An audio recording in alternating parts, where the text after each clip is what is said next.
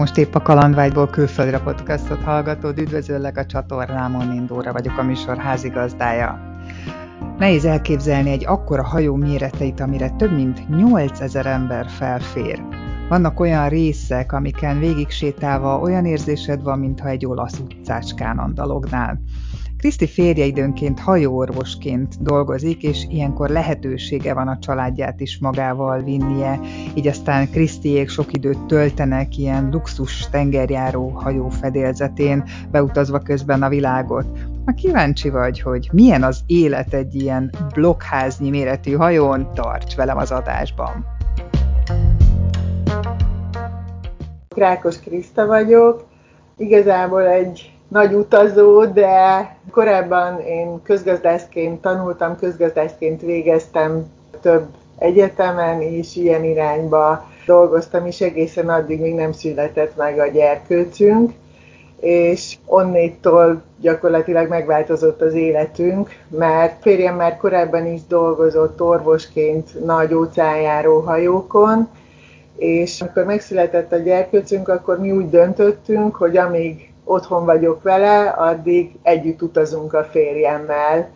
mint család, és ha lehet, akkor bejárjuk a világnak minél nagyobb részét. Hát így lettem én világutazó, mert négy kontinens sikerült valamilyen részben bejárni, de még nagyon sok része hátra van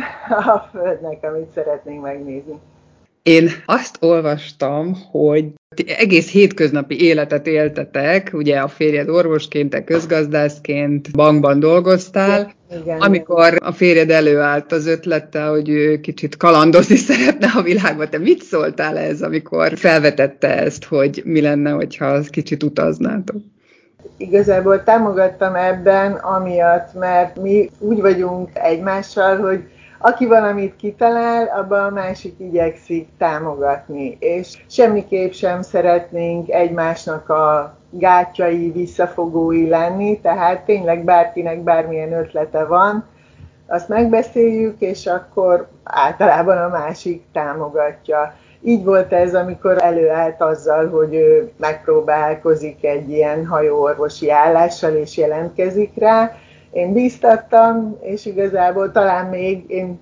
hiszem, vagy hát legalábbis ő, ahogy el szoktam mondani, tudtam is neki segíteni benne, hogy hogy kell egy ilyen interjúra felkészülni, mert ugye ő dolgozott orvosként, sebészként a hétköznapi életben, amikor végzett az egyetemmel, egyből lett munkája, tehát ő neki nem kellett interjúkra járnia korábban, és akkor ebben én azt gondolom, hogy segítettem is neki egy megfelelő önéletrajzot írni, ezt elküldeni a hajós társaságnak, és amikor aztán behívták interjúra, akkor is megbeszéltük, hogy mire számíthat, mert én ugye közgazdászként azért, meg mm, akkoriban, amikor még én dolgoztam, ahogy említetted, egy bankban, középvezetőként azért én interjúztattam, foglalkoztam ilyenekkel is, tehát tudtam ebben neki segíteni, úgyhogy támogattam őt ebben. De azt jól értem, hogy az elején ő ezt egyedül csinálta, és te otthon maradtál, nyilván nem adtad még föl rögtön az állásodat. Abszolút ez... nem. Ez, ez egészen addig, amíg a gyerkőcünk nem született meg, addig én dolgoztam itthon,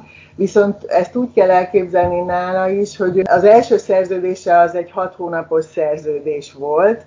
mert hogy rövidebbet nem lehetett az elején, és akkor én úgy voltam vele, tudom, hogy szeptemberben utazott el egy fél évre, és már tudtam évelejétől, vagy hát ilyen február környékétől, hogy szeptembertől utazni fog, Úgyhogy egész évben így nem vettem ki szabadságot, az egész éves szabadságot összegyűjtöttem év végére, és akkor három és fél hétre kimentem utána. Aztán ezt a fél éves szerződést ő megcsinálta, és akkor igazából utána megegyezett úgy a hajós társasággal, hogy nem ilyen teljes hosszú szerződéseket csinál, hanem ilyen beugrókat, ahol amelyik hajón van éppen üresedés, mert az egyik orvos hamarabb hazament, a másik még nem tud menni, és van ott pár hét, akkor ő oda értesíthető, és akkor, akkor beugrik. Úgyhogy onnétól az első fél éves szerződést követően, onnétól ilyen rövidebbeket csinált, egy hónap, hat hét, 9-7, tehát ilyeneket és akkor igyekeztem valóban mindig úgy, hogy arra összegyűjteni valamennyi szabadságot, és akkor kimenni utána, vagy együtt menni vele, és hamarabb hazajönni, úgyhogy ez így működött addig, igen. És azért volt ez a váltás, hogy inkább rövidebb időszakok, mert nehéz volt ez a fél év így? Nem feltétlenül, hanem hogy együtt szerettünk volna lenni, és nem sok időt távol, és azt azért éreztük, hogy nem olyan jó fél évet, ha még a közepére ott ki is mentem közel egy hónapra, de, de az sok időnek tűnt így nekünk, és nem szerettünk volna így külön lenni. Utána megszületett a kisfiatok, és te felszabadultál a munkából. Akkor jött az ötlet, hogy akkor ti is mentek vele hosszabb időszakokra? Igen, abszolút ekkor. Vártunk jó ideig a babára, úgyhogy mi már amikor megfogant, utána mondtuk, hogy minél több időt szeretnénk vele kielvezni, és nem szerettem volna hamar visszamenni a munkába. És egyébként igen, akkor beszéltük meg, hogy akkor lehet így gyakrabban hajózni, mert azt még nem említettem, hogy a gyerkőc születését megelőzően, meg egyébként utána is a férjem itthon is dolgozott ugyanúgy a kórházba is, tehát hogy ez a hajózás, ez csak tényleg évente mondjuk háromszor, négyszer vállalt egy ilyen pár hetes, hónapos szerződést. Úgyhogy igen, mentünk vele akkor mindig. Milyen egy ilyen hajó, azoknak mesélj egy kicsit róla, akik még nem ültek ilyen nagy luxus, ezek ilyen luxus óceánjáró hajók. Igen, hát itt is ugye van a kisebbtől, amin, amin mondjuk 2000 utas fér el, és egy ilyen 800 főnyi személyzet van, az egészen hatalmas városnagyságúakig, ahol 6600 utas és 2200 személyzet, tehát 8000 embernél is több ott van a hajón. A, a legnagyobbak azok úgy képzelje el mindenki, mint hogyha a focipályát mindenki látott már, és három focipályát egymás mellé tesszük, és annál is egy kicsit hosszabb. Van rajta több étterem, medencék, tömkelege, rengeteg kabin, ugye. Ezeknél a nagyoknál van egy ilyen középső rész, ahol gyakorlatilag olyan, mintha az ember nem is egy hajó lenne, hanem egy olasz kis utcán sétálgatna, hiszen fák vannak, bokrok, madárcsivitelés, és onnét nyílnak éttermek vannak rajta boltok, mm, szörfpálya, korcsolyapálya, ahol esténként műkorcsolya előadásokat lehet látni.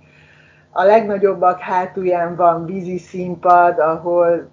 ahol volt olimpikonok, mindenféle ugrást mutatnak be, és ez egy komplet műsorban van összerakva. Van benne színház, különböző bárok, lehet mozit nézni úgyhogy nagyjából így lehet elképzelni. A kisebbeken nyilván ennyi minden nincsen, de ott is azért elég sok dolog van. A színház, az éttermek, azok ott is megvannak, ami, ahol tud szórakozni és kikapcsolódni az ember, meg természetesen a legfelső részen, a nyitott részen a medencék, és ott ugye ott lehet fürdeni, amikor nem kötnek ki ezek a hajók sehol, hanem éppen tengeri nap van, mert megy egy hosszabbat egyik kikötőből a másikba. Úgy tudom, hogy a személyzeti hierarchiában az orvos az elég magas szinten van, hiszen ő már viheti a családját is. Mivel jár ez, milyen privilégiumai vannak mondjuk egy orvos feleségnek, családnak?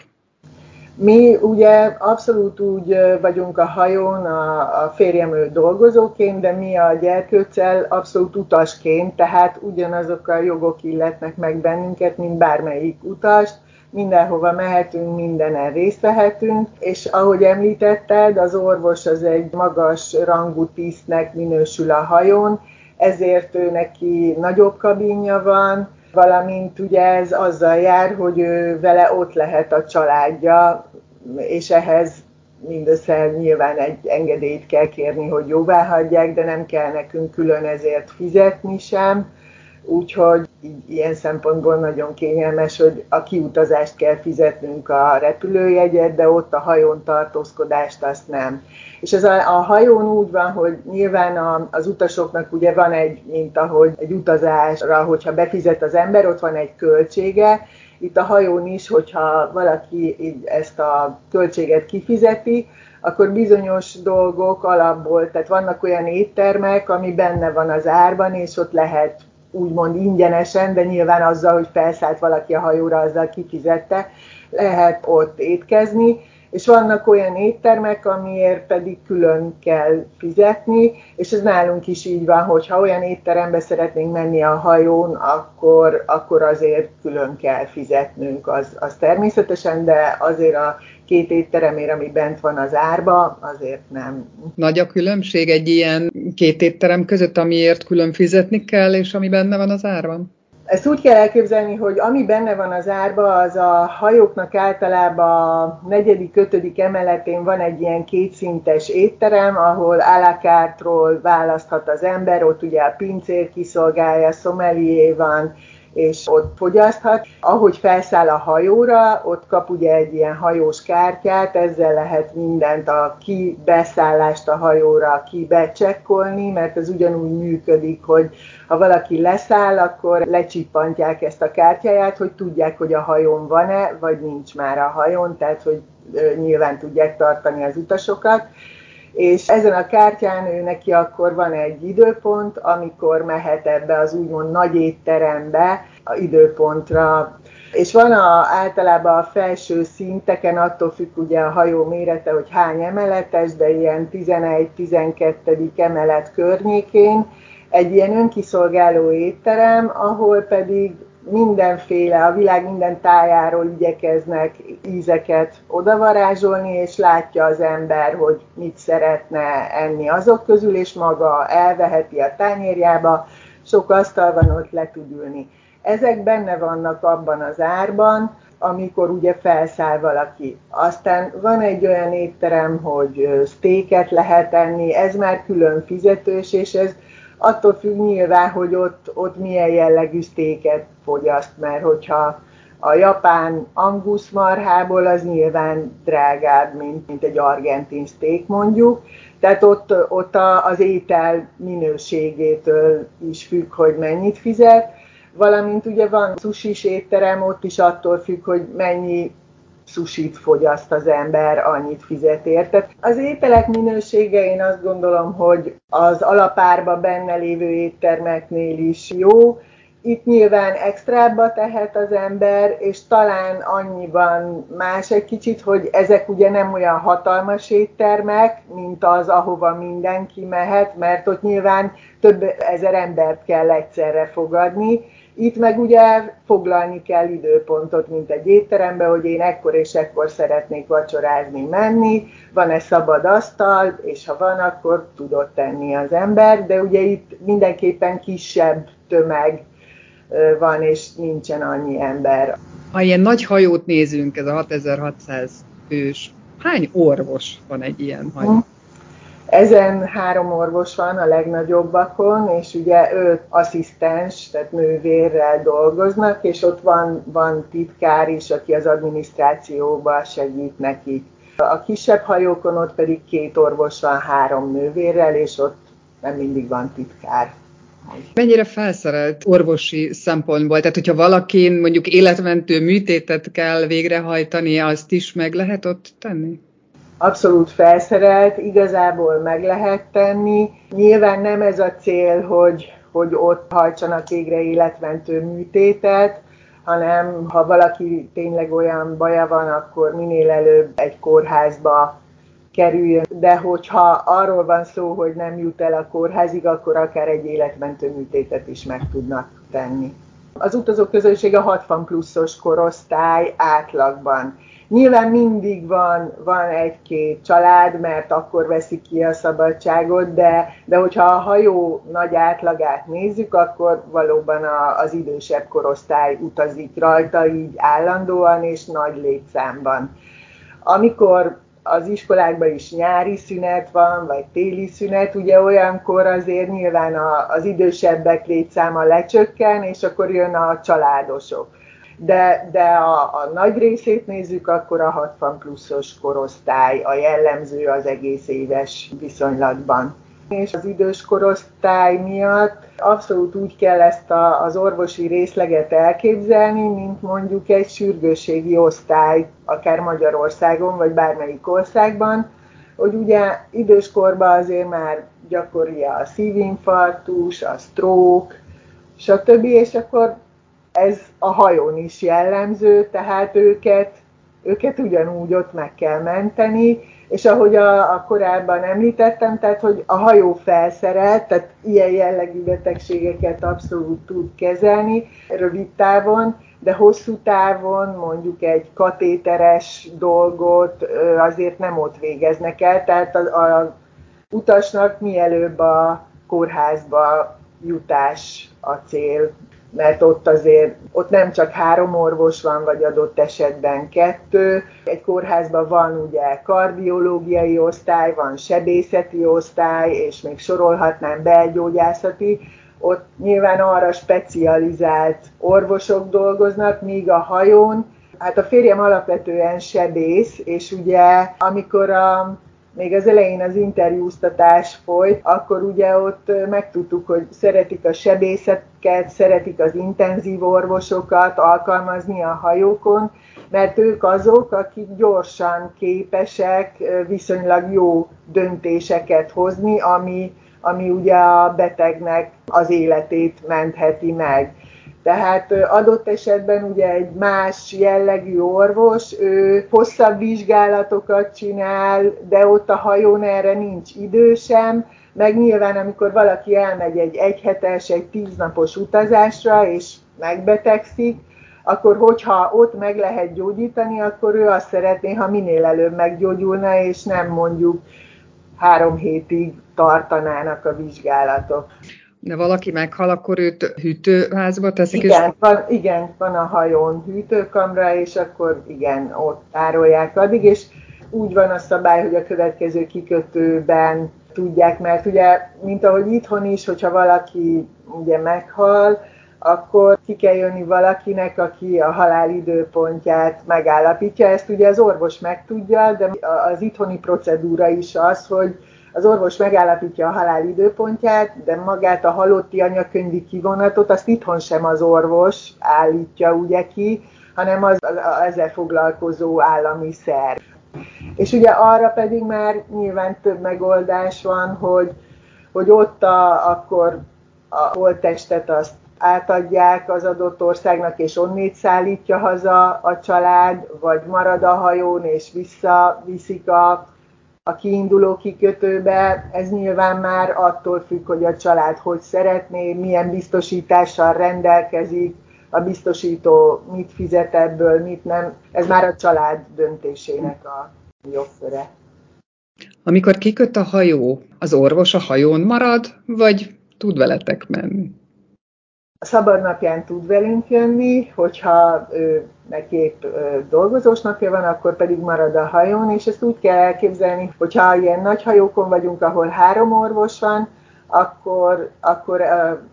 három naponta váltakozik, hogy milyen munkakörben van éppen. Van ugye egy rendelési idő délelőtt, egy rendelési idő délután, akkor mindenképpen ott kell lenni a rendelőbe és dolgozni kell. A köztes időben pedig, hogyha ő a 24 órás ügyeletes, akkor telefonon bármikor elérhető, tehát hogyha a rendelési időn kívül történik bármi, vagy valaki jön, hogy akkor fáj valami, akkor a nővér értesíti, és akkor megy dolgozni. Ezen a napon nem hagyhatja el a hajót. Akkor van egy olyan nap ezt követően, hogy csak a rendelési időben dolgozik ő,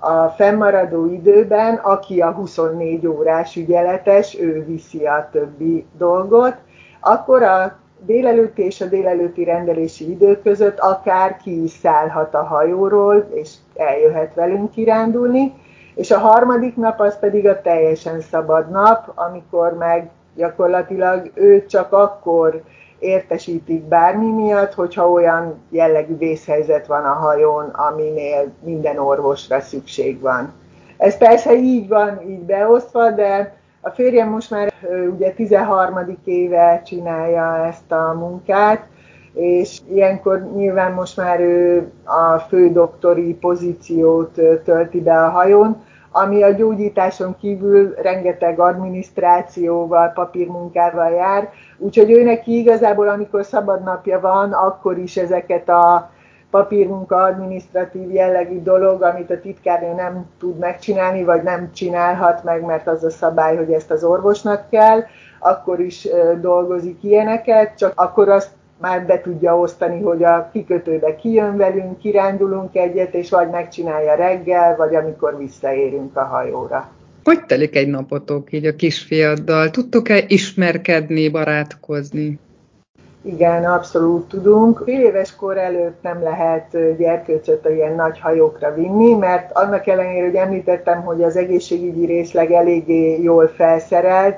de azért arra nincsenek berendezkedve, hogy egy pici babával, ha olyan jellegű dolog történik. Igazából megtudnák, de a kockázatot nem szeretnék nyilván vállalni ilyen szempontból a hajós társaságok, úgyhogy van egy ilyen szabály, hogy fél éves kor alatti gyermekkel nem lehet a hajóra menni.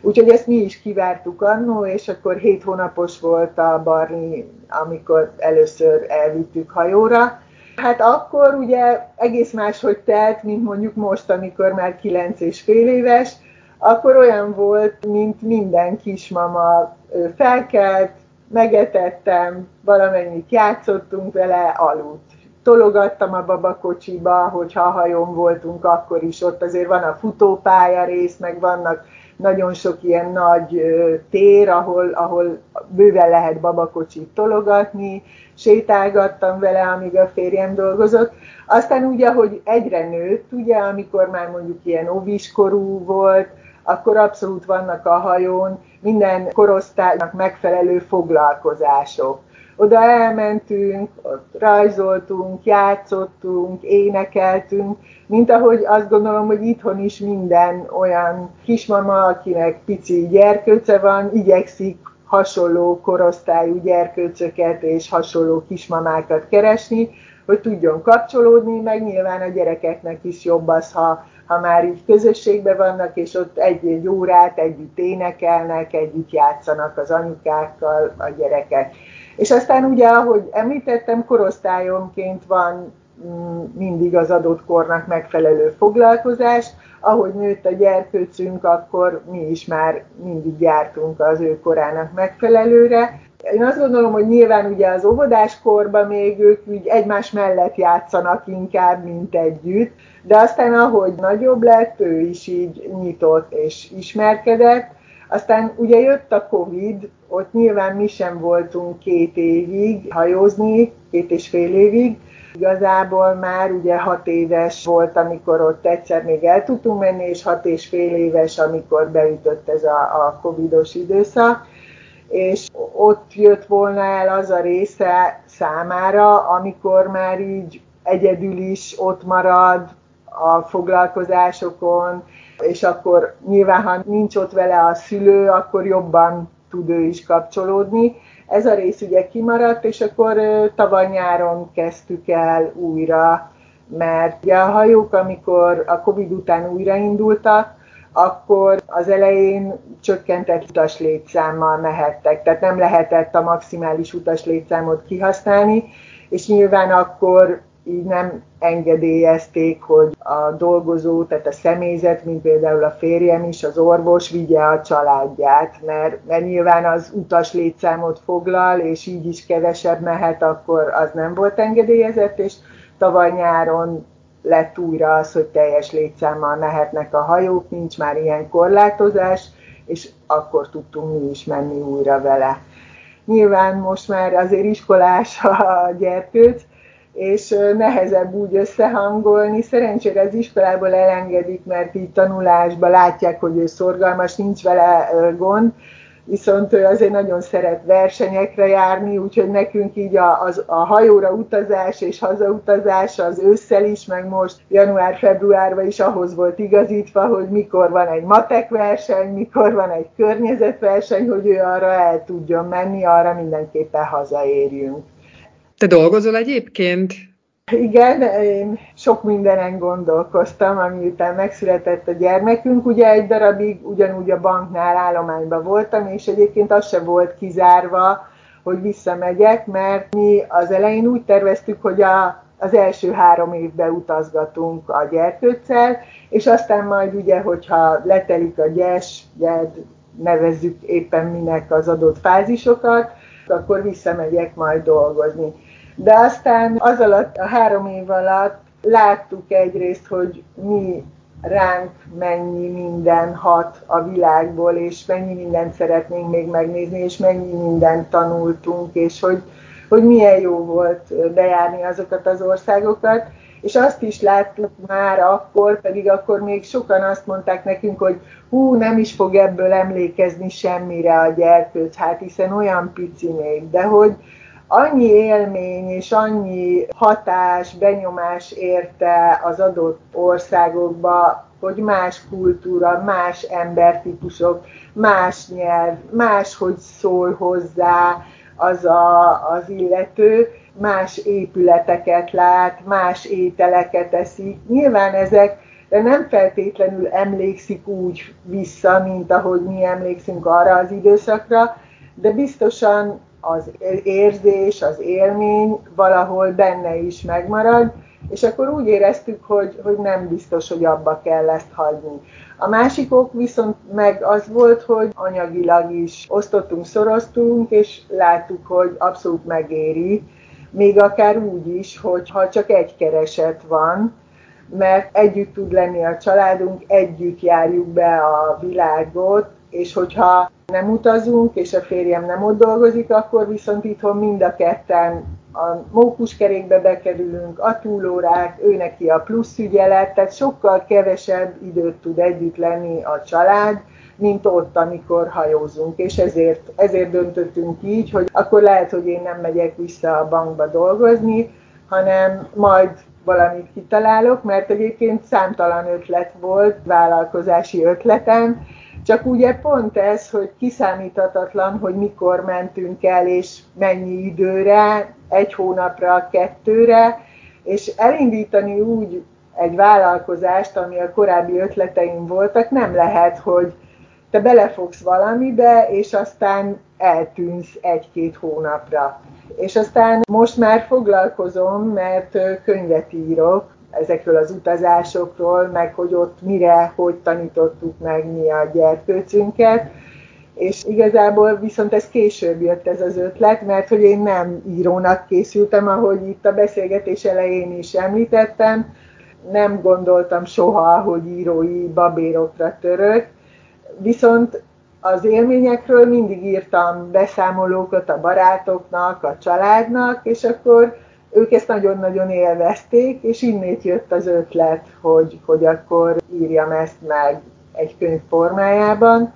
És aztán nyilván nem éreztem ehhez kellő bátorságot, pont ezért, mert semmilyen végzettségem nincs, úgyhogy a Covid alatt online elvégeztem több ilyen író, képző tanfolyamot, és akkor utána megírtam az első könyvet, ami eddig csak ez az egy jelent meg, mert aztán itt, vagy az a terv most, hogy ugye, ahogy említettem, négy kontinens sikerült így hajóval valamilyen szinten bejárni, és akkor ebből négy kötetet tervezek a gyerekeknek, és az első kötet, ami elkészült, az a Barni a gyerköcünk neve, és ahogy őt tanítottuk, vagy igazából úgy próbáltam megírni, ahogy ő látta ezt az egész világot, és megérte ott a napjainkat, mert ő meséli el a kalandjait, Barni kapitány kalandjai Ázsiában, ez az első kötet címe, és akkor remélem, hogy rövid időn belül kijön a második kötet, az pedig a Barni kapitány kalandjai a Karib vidéken, ott hajóztunk nagyon sokat, és akkor tervezek egy Ausztrália-Óceánia kötetet, meg egy földközi tengereset, mert ezeket a vidékeket jártuk be hajóval. Többször említetted, hogy számtalan országban jártatok már, meg hát ezek a hajók ugye gyönyörű helyeken közlekednek, és nyilván kikötnek. Ha egyet ki kellene emelni, mi lenne az, amire tényleg azt mondod, hogy ez ilyen életre szóló élmény volt? Nehéz kérdés biztos. Nagyon-nagyon nehéz, igen, mert több helyre is még visszamennénk, és vannak olyan helyek, ahova még el sem jutottunk, de mi is láttunk róla csodaszép képeket, meg olvastunk róla. Én azt gondolom, hogy nekünk Ázsia, de onnét viszont nem biztos, hogy ki tudom emelni, hogy Kína, vagy Japán,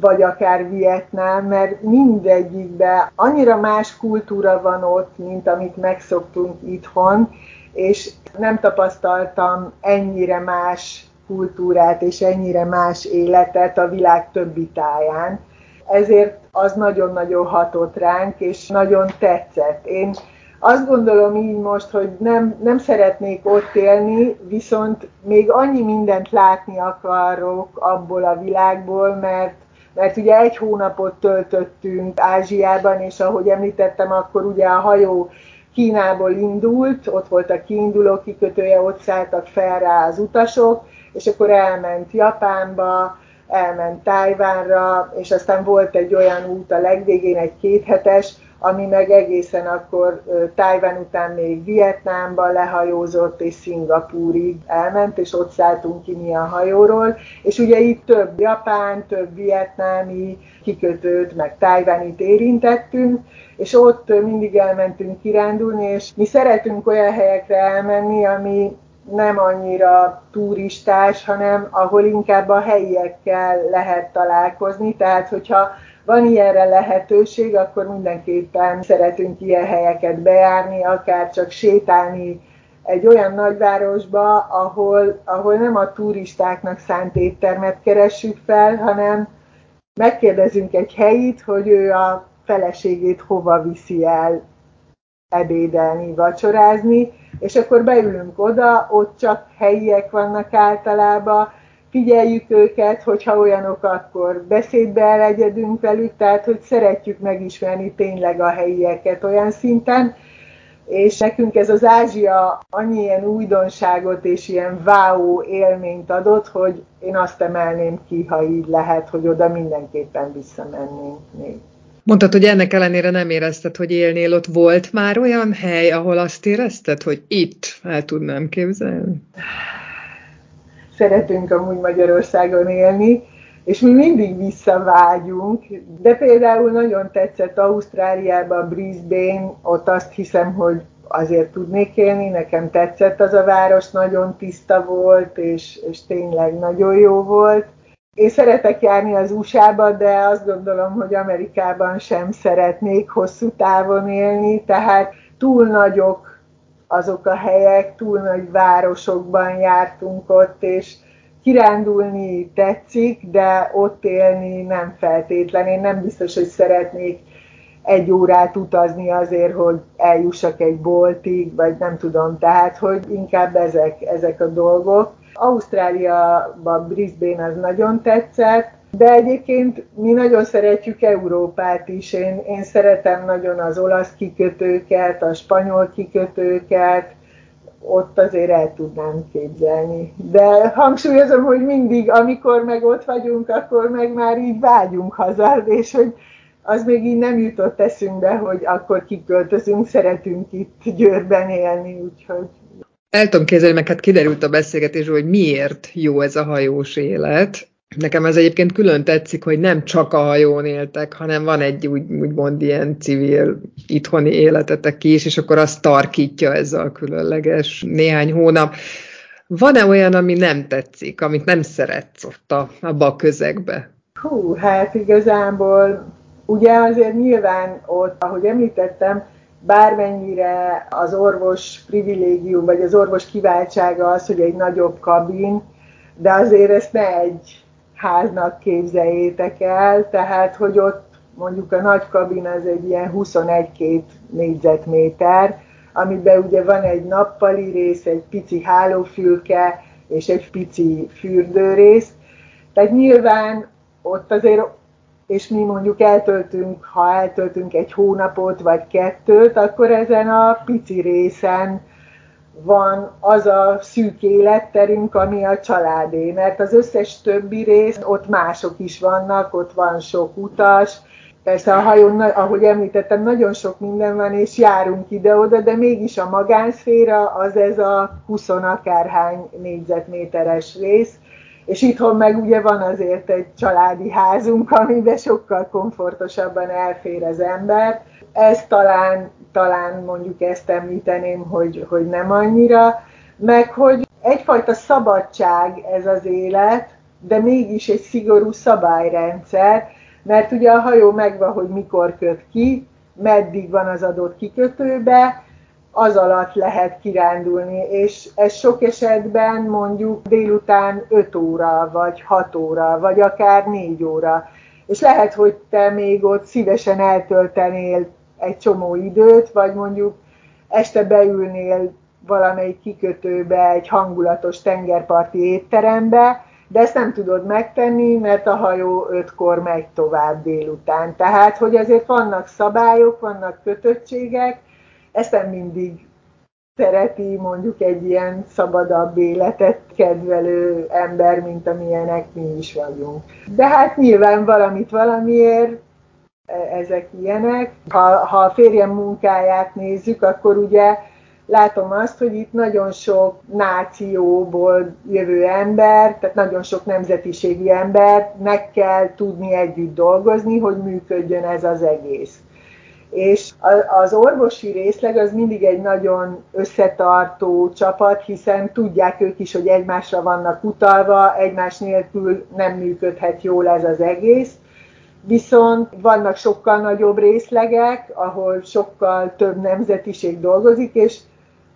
őket jól összehangolni, koordinálni, azért az nehézség. Oké, okay, én ezt csak utasként látom, ugye nem nekem kell ezzel foglalkozni, tehát ez nem, a, nem az én gondom, de én, ahogy említettem, élvezem azt, hogy, hogy sok országból van ott ember, és ezáltal sok mindent meg lehet tőlük tanulni, az ő, ő életükből, kultúrájukból, viszont ezt munkaadóként, meg az adott részleg vezetőjeként elég nehéz kezelni. Mm. Mert nagyon mások a szokások nyilván, ha csak a, a munkához való hozzáállást nézzük, teljesen más az adott országokban. Most mi a legközelebbi úti cél, azt tudjátok? Nincs most így meg, most egy hónapja jöttünk haza, akari vidéken voltunk, ha majd szólnak, és olyan hely lesz, ami amire szívesen mennénk, akkor meg időbe is így belefér, akkor majd megyünk, de nincs így meg a következő hajó még.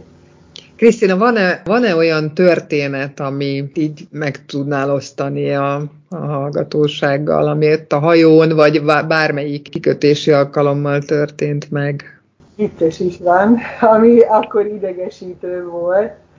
de most így utólag már nagyon vicces. Amikor még nem volt meg egy gyerkőcünk, és éppen az esküvőnk után nászútra úgy terveztük be, hogy akkor mi egy hajóútra megyünk el, de a férjem közben dolgozni fog, és ő elment előbb, nyilván a szerződés így előbb kezdődött, és mivel, ahogy említettem, még nem volt meg a gyerkőc, én dolgoztam, és három hetes utazást terveztünk, hogy én majd Alaszkába kiutazok, és aztán Alaszkából elindul délnek a hajó, és Kanada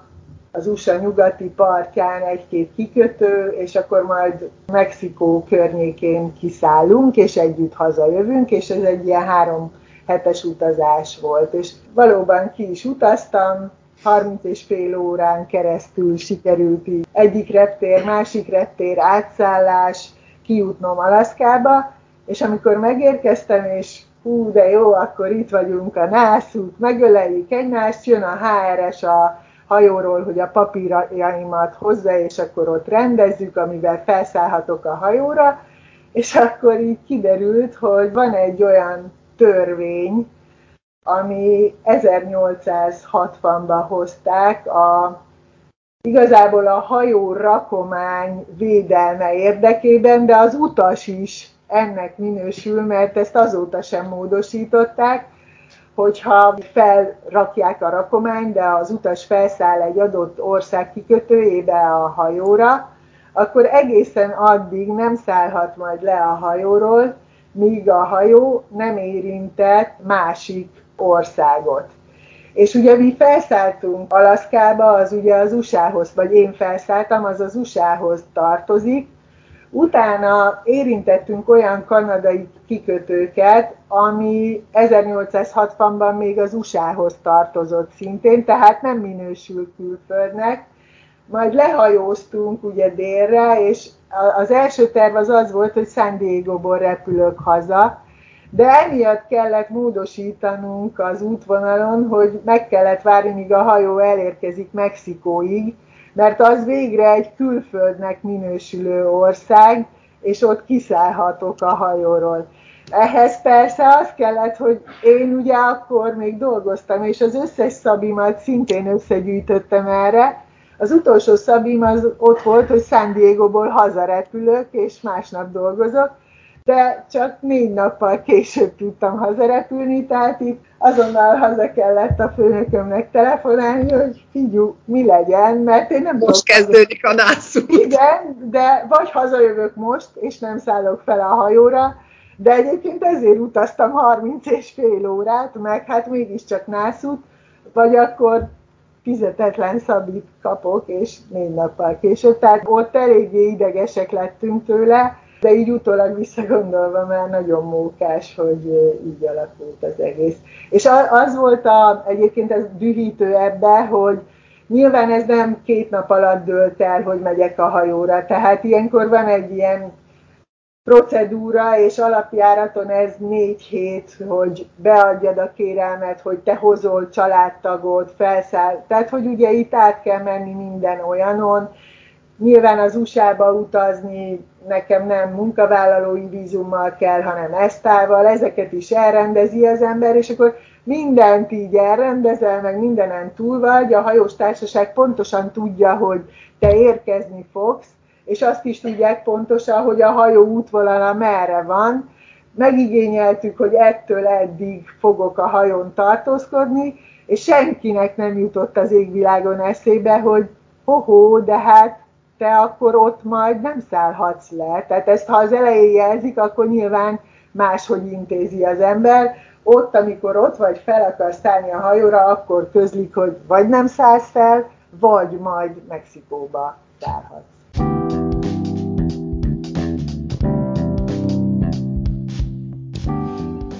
Remélem, hogy tetszett az adás. Ha bármi észrevételed van, esetleg további kérdéseid lennének a szereplőkhöz, nyugodtan írd meg kommentben, szerkesszük együtt az adásokat.